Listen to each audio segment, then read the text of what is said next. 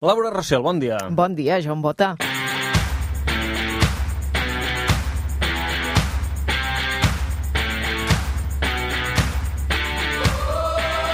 Últim diumenge de l'any, però encara no serà aquesta l'última entrada de l'abecedari lila del suplement, eh? No, encara no, perquè avui arribem a les lletres X, Y, per tant som al penúltim capítol de l'abecedari i ens va molt bé perquè aquestes dues lletres jo crec que donen sentit a moltes de les coses que hem explicat i que hem après al llarg d'aquest any a l'abecedari. Són les lletres de què estàs pendent quan esperes un Ah. fill o una filla, allò de si és eh? XX o XY, Correcte. Les lleis de la genètica estableixen que XX és sexe femení, XY és sexe masculí. Però és una classificació només a nivell biològic que té a veure amb els òrgans sexuals amb els que naixem. Això ho hem après també recentment. A partir d'aquí comença la construcció social del gènere. És quan apareix això que ens hem inventat, que són els rols de gènere masculí i femení. Per tant, aquí comença tot. No sé si, per tant, eh, no hauríem d'estar fent aquella pregunta de si és nen o nen, això ja ho sabrem quan neixi. Ja ho sabrem, ja ho decidirà ell.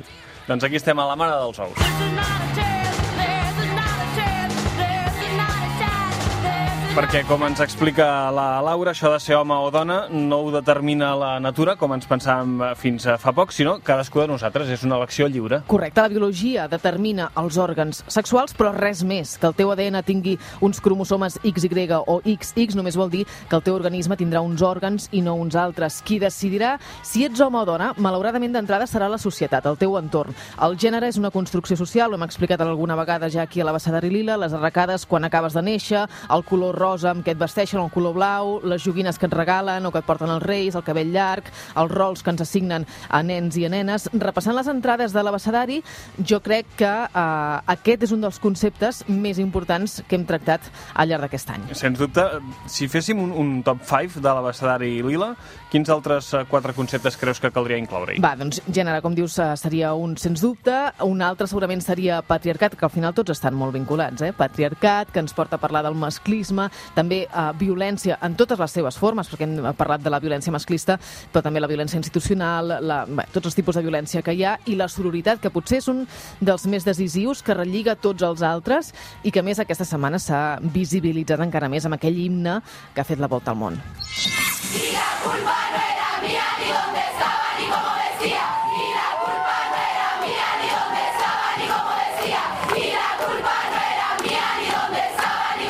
És increïble el ganxo que, que ha generat aquest himne, no? Com de cop eh, tothom eh, ha pogut eh, veure eh, doncs, de, de què va tot això, no? De, amb, amb tanta cruesa. O sigui, tothom qui encara no ho havia vist, potser que- que- ho ha vist encara més amb, amb aquesta I cançó. que pot ser una cosa majoritària, que no, no pot ser, que ha de ser una cosa majoritària i que pot tindre aquest punt festiu també. Sí, sí, totalment, i a més que va començar, com s'escampa tan ràpid, això vol dir, eh, ens remet a aquesta idea de sororitat, no? Això comença a Xile, aprofitant les revoltes de, contra el govern de Xile, però s'escampa ràpidament per tot Llatinoamèrica, arriba a Europa també, és a dir, és un crit, és un clam que agermana dones de, de tot arreu, és, és transversal, no?, de diferents classes socials i de diferents orígens. I que ara que estem, en, diguéssim, en la setmana fantàstica del cunyat, doncs eh, serveix per, per trencar eh, molts dels tòpics que hem sentit els últims dies. Si haguéssim de triar una dona, Laura, de totes les biografies que, que has anat repassant, amb quina et quedaries? Jo, a mi em costa molt triar-ne una perquè totes són grans dones amb històries brutals al darrere, sobretot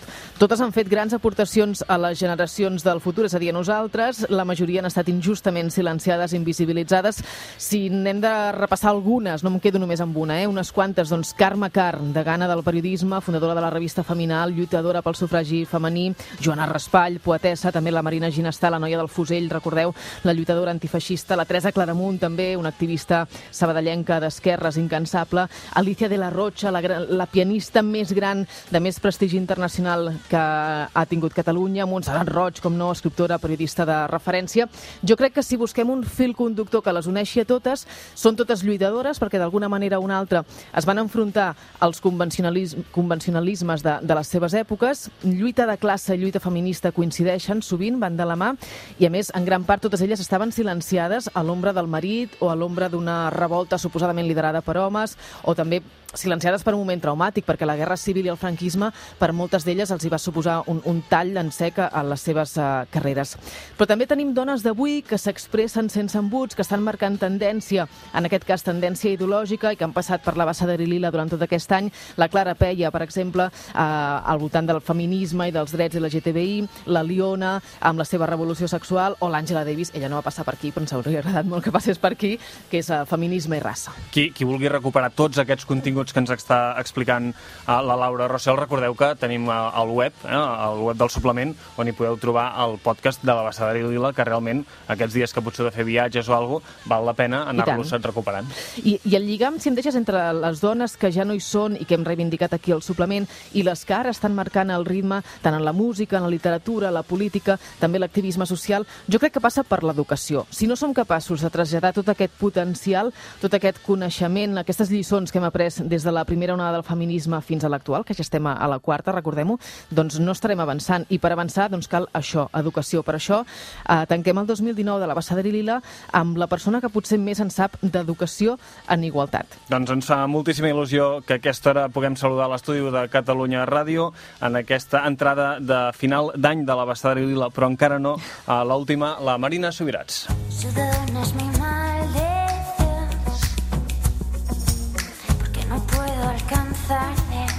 Marina, benvinguda al suplement.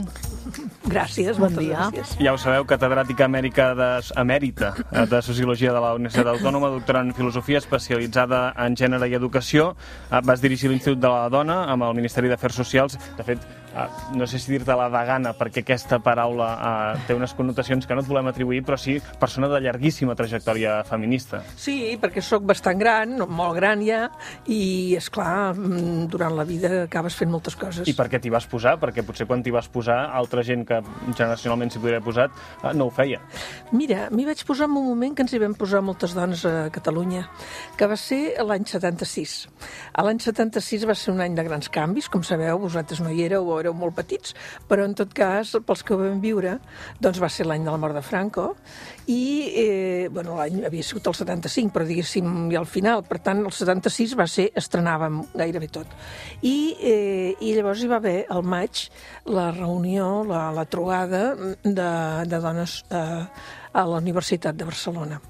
I moltes de nosaltres sempre he recordat, perquè aquell matí arribàvem i trobàvem, ens trobàvem entre dones que ens coneixíem, però que fins aquell moment no havíem pensat que eren feministes. I dèiem, bueno, no ho sabem, això potser... Perquè moltes de nosaltres estàvem militant en els partits clandestins d'aquella època. Eh?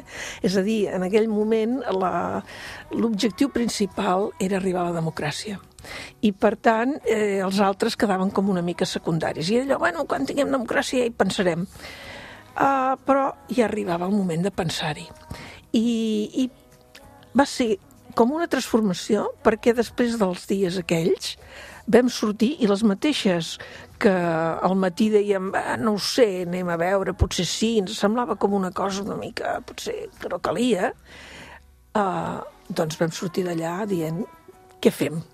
Com podem canviar, com podem arreglar, com podem eh, fer que les dones tinguem veu i tinguem presència i canvi tot això.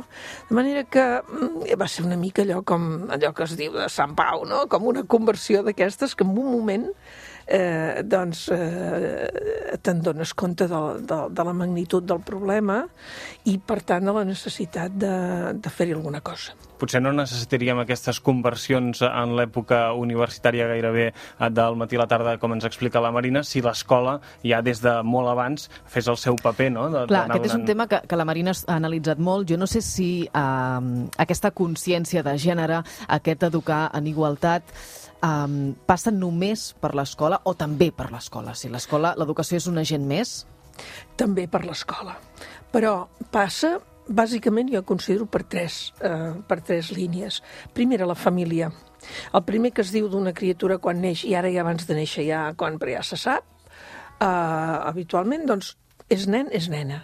Fixeu-vos, ara com que ja se sap abans, la família ja prepara l'arribada d'una manera diferent. Sí. Eh?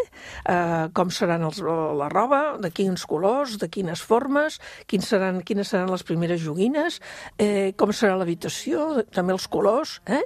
I això vol dir que ja hi ha tota una expectativa diferent. És dir, si ha d'arribar una nena, doncs ja pensem que serà molt mona, que, no? que ai, que bé que li podrem fer vestidets, que ens cuidarà quan siguem grans, etc. Si és un nen, buf, serà matxote, serà fort, serà valent... Eh?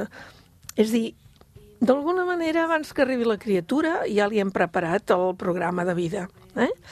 Per tant, el moment que neix, eh, se'l comença a, es comença a tractar aquesta criatura d'una manera diferent. I això ho sabem perquè en aquest moment s'han gravat molts vídeos i s'han fet moltes proves i s'ha vist. Eh? Uh, hi ha cultures en la qual fins i tot és molt diferent l'alegria de la família segons sigui nen o nena. Eh?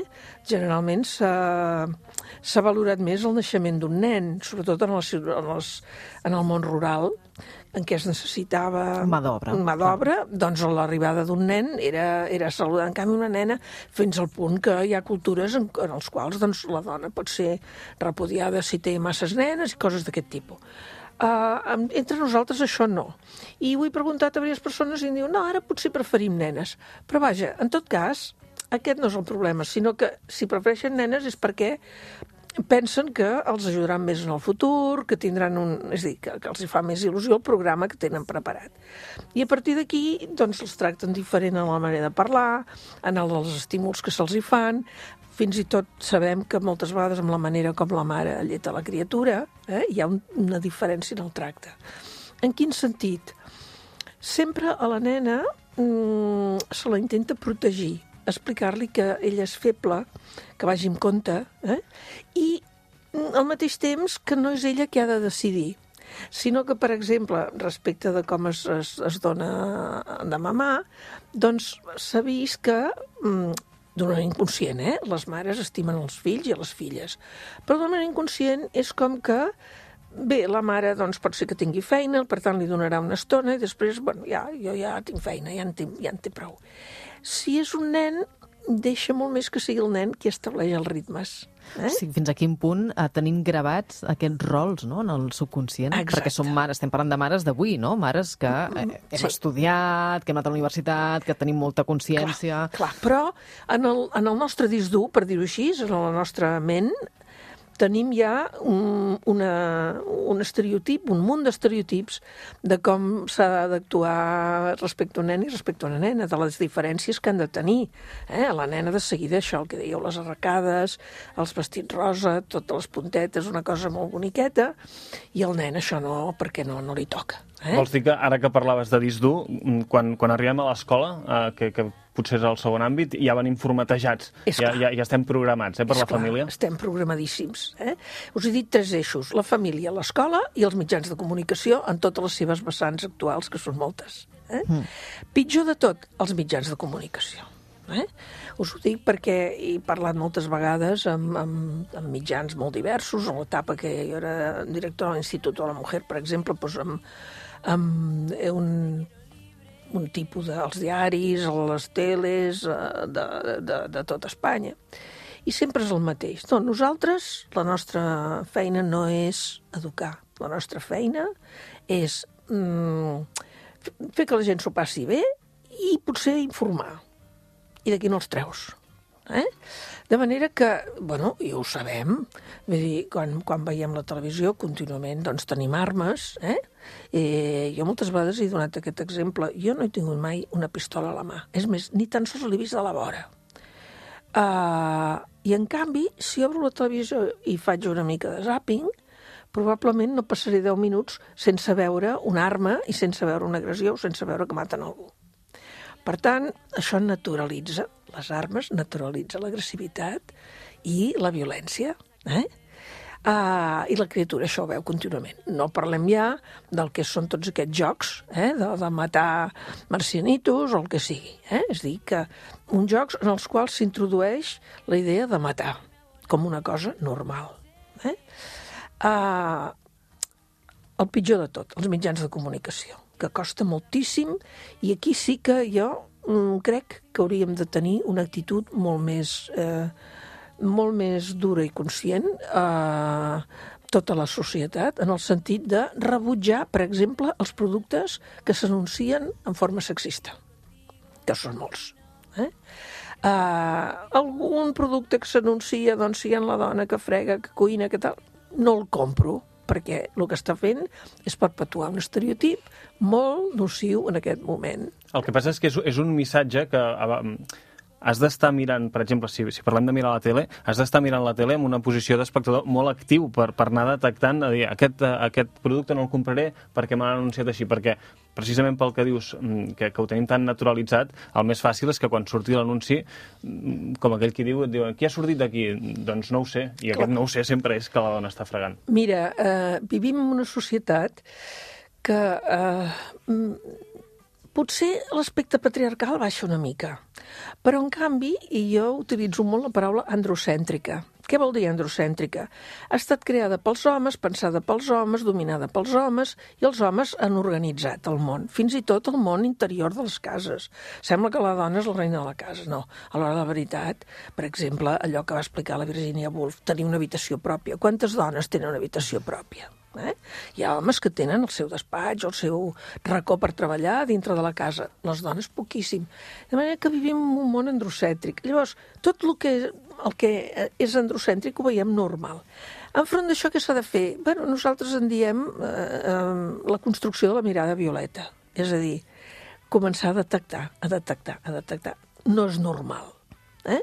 Quan vas construint la mirada violeta, i costa anys, eh? jo porto 40 anys i encara no estic segura d'aconseguir-la tota, eh? Uh, ho veus, ja no cal que t'hi fixis més del compte. És que dius, com pot ser que ara m'estiguin dient això?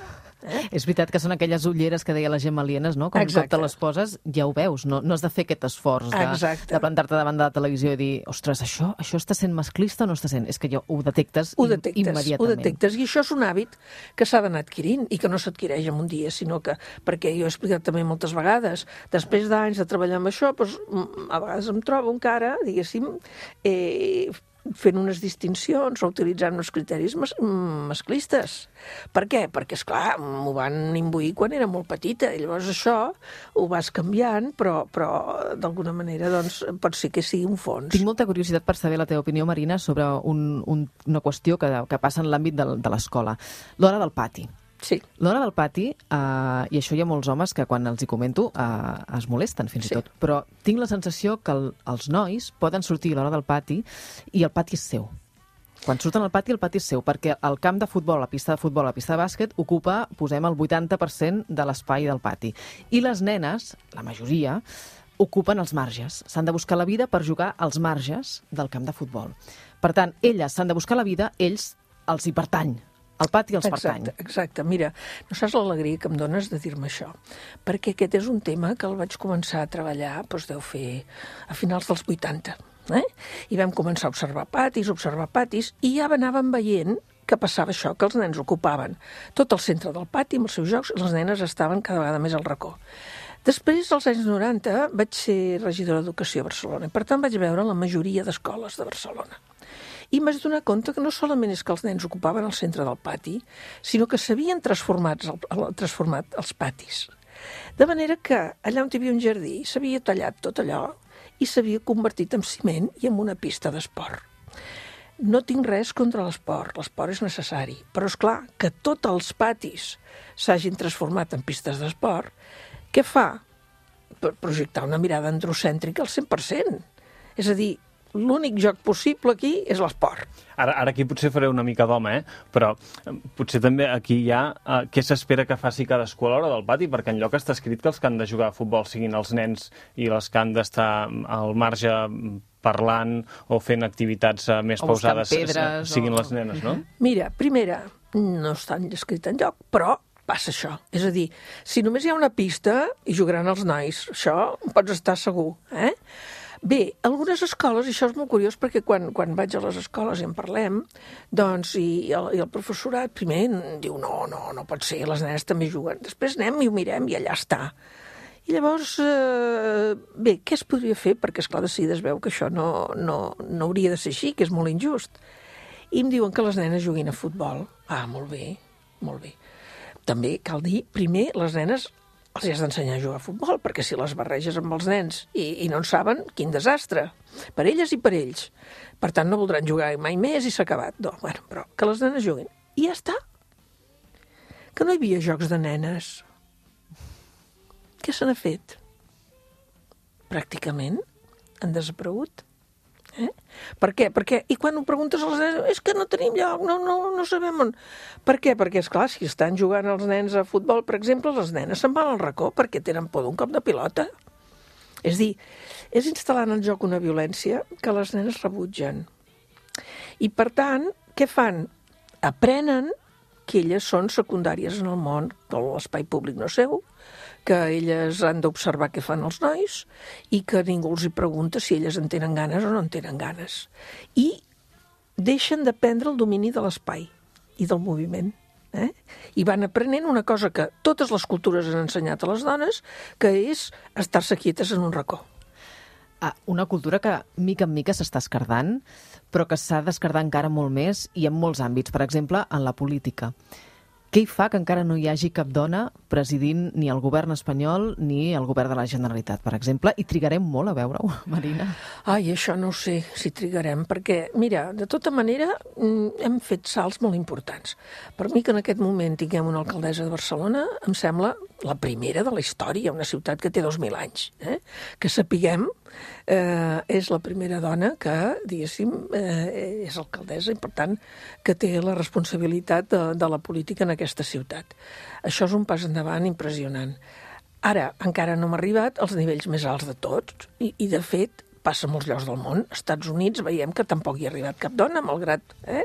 malgrat que hi hauria dones que ho farien molt bé i segurament molt més bé del que s'està fent. No, no és molt moment. difícil, eh? Fer-ho millor del que ho està fent. això mateix, que hi ha dones molt valuoses i que segur que no farien certs desastres, no?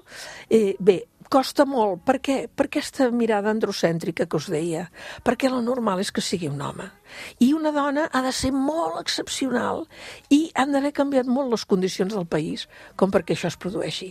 El que s'estigui produint a Finlàndia, per exemple, un govern de dones i de dones joves, és una magnífica notícia. I a més estic convençuda que ho faran millor que ho faran millor que, que, que molts homes. No? Hi ha homes que ho fan molt bé.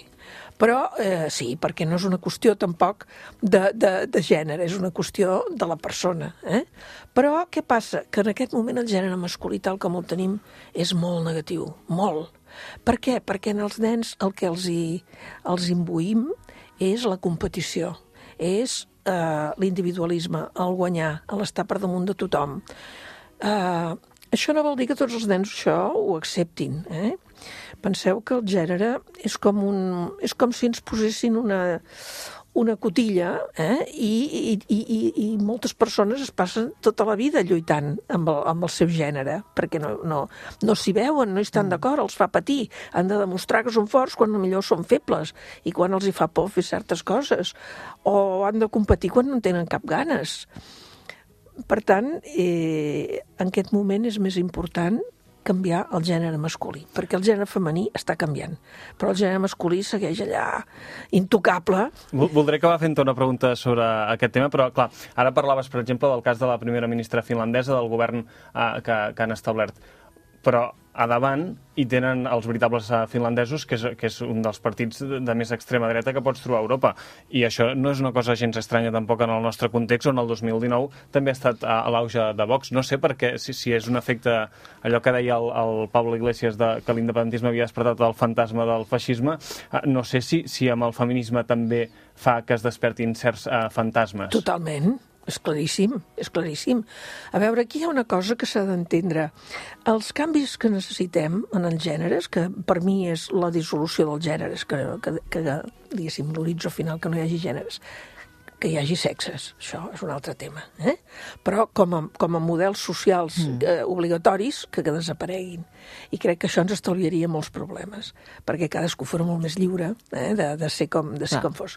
Llavors, és clar, eh, eh, això què passa? Que per les dones ho tenim tot a guanyar. Pels homes hi ha una part a guanyar importantíssima que no s'ha explicat prou, que és som més lliures i que cada nen pugui ser allò que vol Tal ser vulgui. i, i que no l'obliguin a jugar a futbol si no li ve de gust eh? i que no li retreguin que no doni cops de pony I que pugui ser vulnerable, que pugui Exacte. mostrar les emocions. Exacte. Cosa que li allargaria la vida. Eh? Ara no tinc temps d'explicar-vos-ho, però No, està el, molt, el, el molt que sí que vinculat. et faré una pregunta relacionada amb, amb tot això que estàs eh, explicant i gairebé és una pregunta per, per aplicar-me la resposta. Què vol dir ser home avui?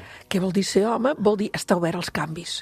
I, per tant, poder absorbir tota una sèrie d'aspectes del que som les dones i poder-los exercir amb tota naturalitat. Aquells que et vinguin de gust. No cal que et pintis els llavis si no et ve de gust. Eh? Però si et ve de gust, fes-ho tranquil·lament i que ningú t'hagi de dir res. Però et volia acabar només la idea d'abans. Els homes hi teniu alguna cosa a perdre, que és el domini que heu tingut.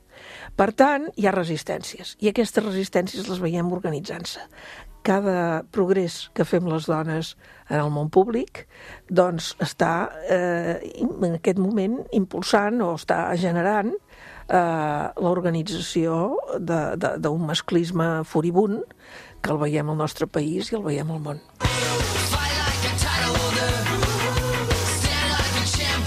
Doncs el suplement en general i l'abecedari lila en particular sempre seran un espai per intentar uh, frenar aquestes resistències. Marina Subirats, uh, gràcies per haver-nos visitat en aquest últim diumenge de suplement 2019. Gràcies a vosaltres i per fer l'abecedari lila. I ja ho sabeu que en aquest abecedari lila, a banda d'anar repassant uh, figures, noms i conceptes clau, també cada diumenge la Laura ens porta una recomanació. Sí, avui també, per tancar l'any, us recomano que aneu a Netflix i que us prepareu per veure, podríem dir, el que és el documental total. Cuando una mujer te dice que no, es no. Siempre, aunque estés en la cama. Yo no soy machista, yo no pego a mi mujer. No, no, eso no vale. Ningún indicador nos está hablando de igualdad. Esto es un país hecho por y para ellos. Que nos acosan por las calles. És el documental que es diu Què coño està passando? de Rosa Márquez i Marta Jaénes. Van decidir fer-lo eh, fa un parell d'anys en ple judici de la manada, amb els estómacs, per tant, regirats per tot el que s'estava explicant d'aquella violació en grup. Van decidir que no podien quedar-se de braços creuats, totes dues són periodistes, i van començar a idear aquest documental. Són les opinions de 40 dones de diferents edats, professions i punts de vista. Eh, parlen de tot, parlen del, de tot el que hem parlat aquí a l'abecedari, doncs del rosa, del blau, del sexe, del porno, de la violència masclista, de la prostitució, dels referents en la cultura, de la gestació subrogada, del patriarcat, i és molt interessant perquè no totes les opinions van en el mateix sentit, hi ha punts de confrontació, per exemple, al voltant de la prostitució, hi ha un debat molt intens, i això fa encara més ric eh, aquest documental perquè no hi ha una sola veritat sobre el feminisme. El feminisme dona molts elements d'anàlisi. Aquest documental és una hora i 26 minuts de reflexions, de provocacions i de dubtes de, de tot tipus.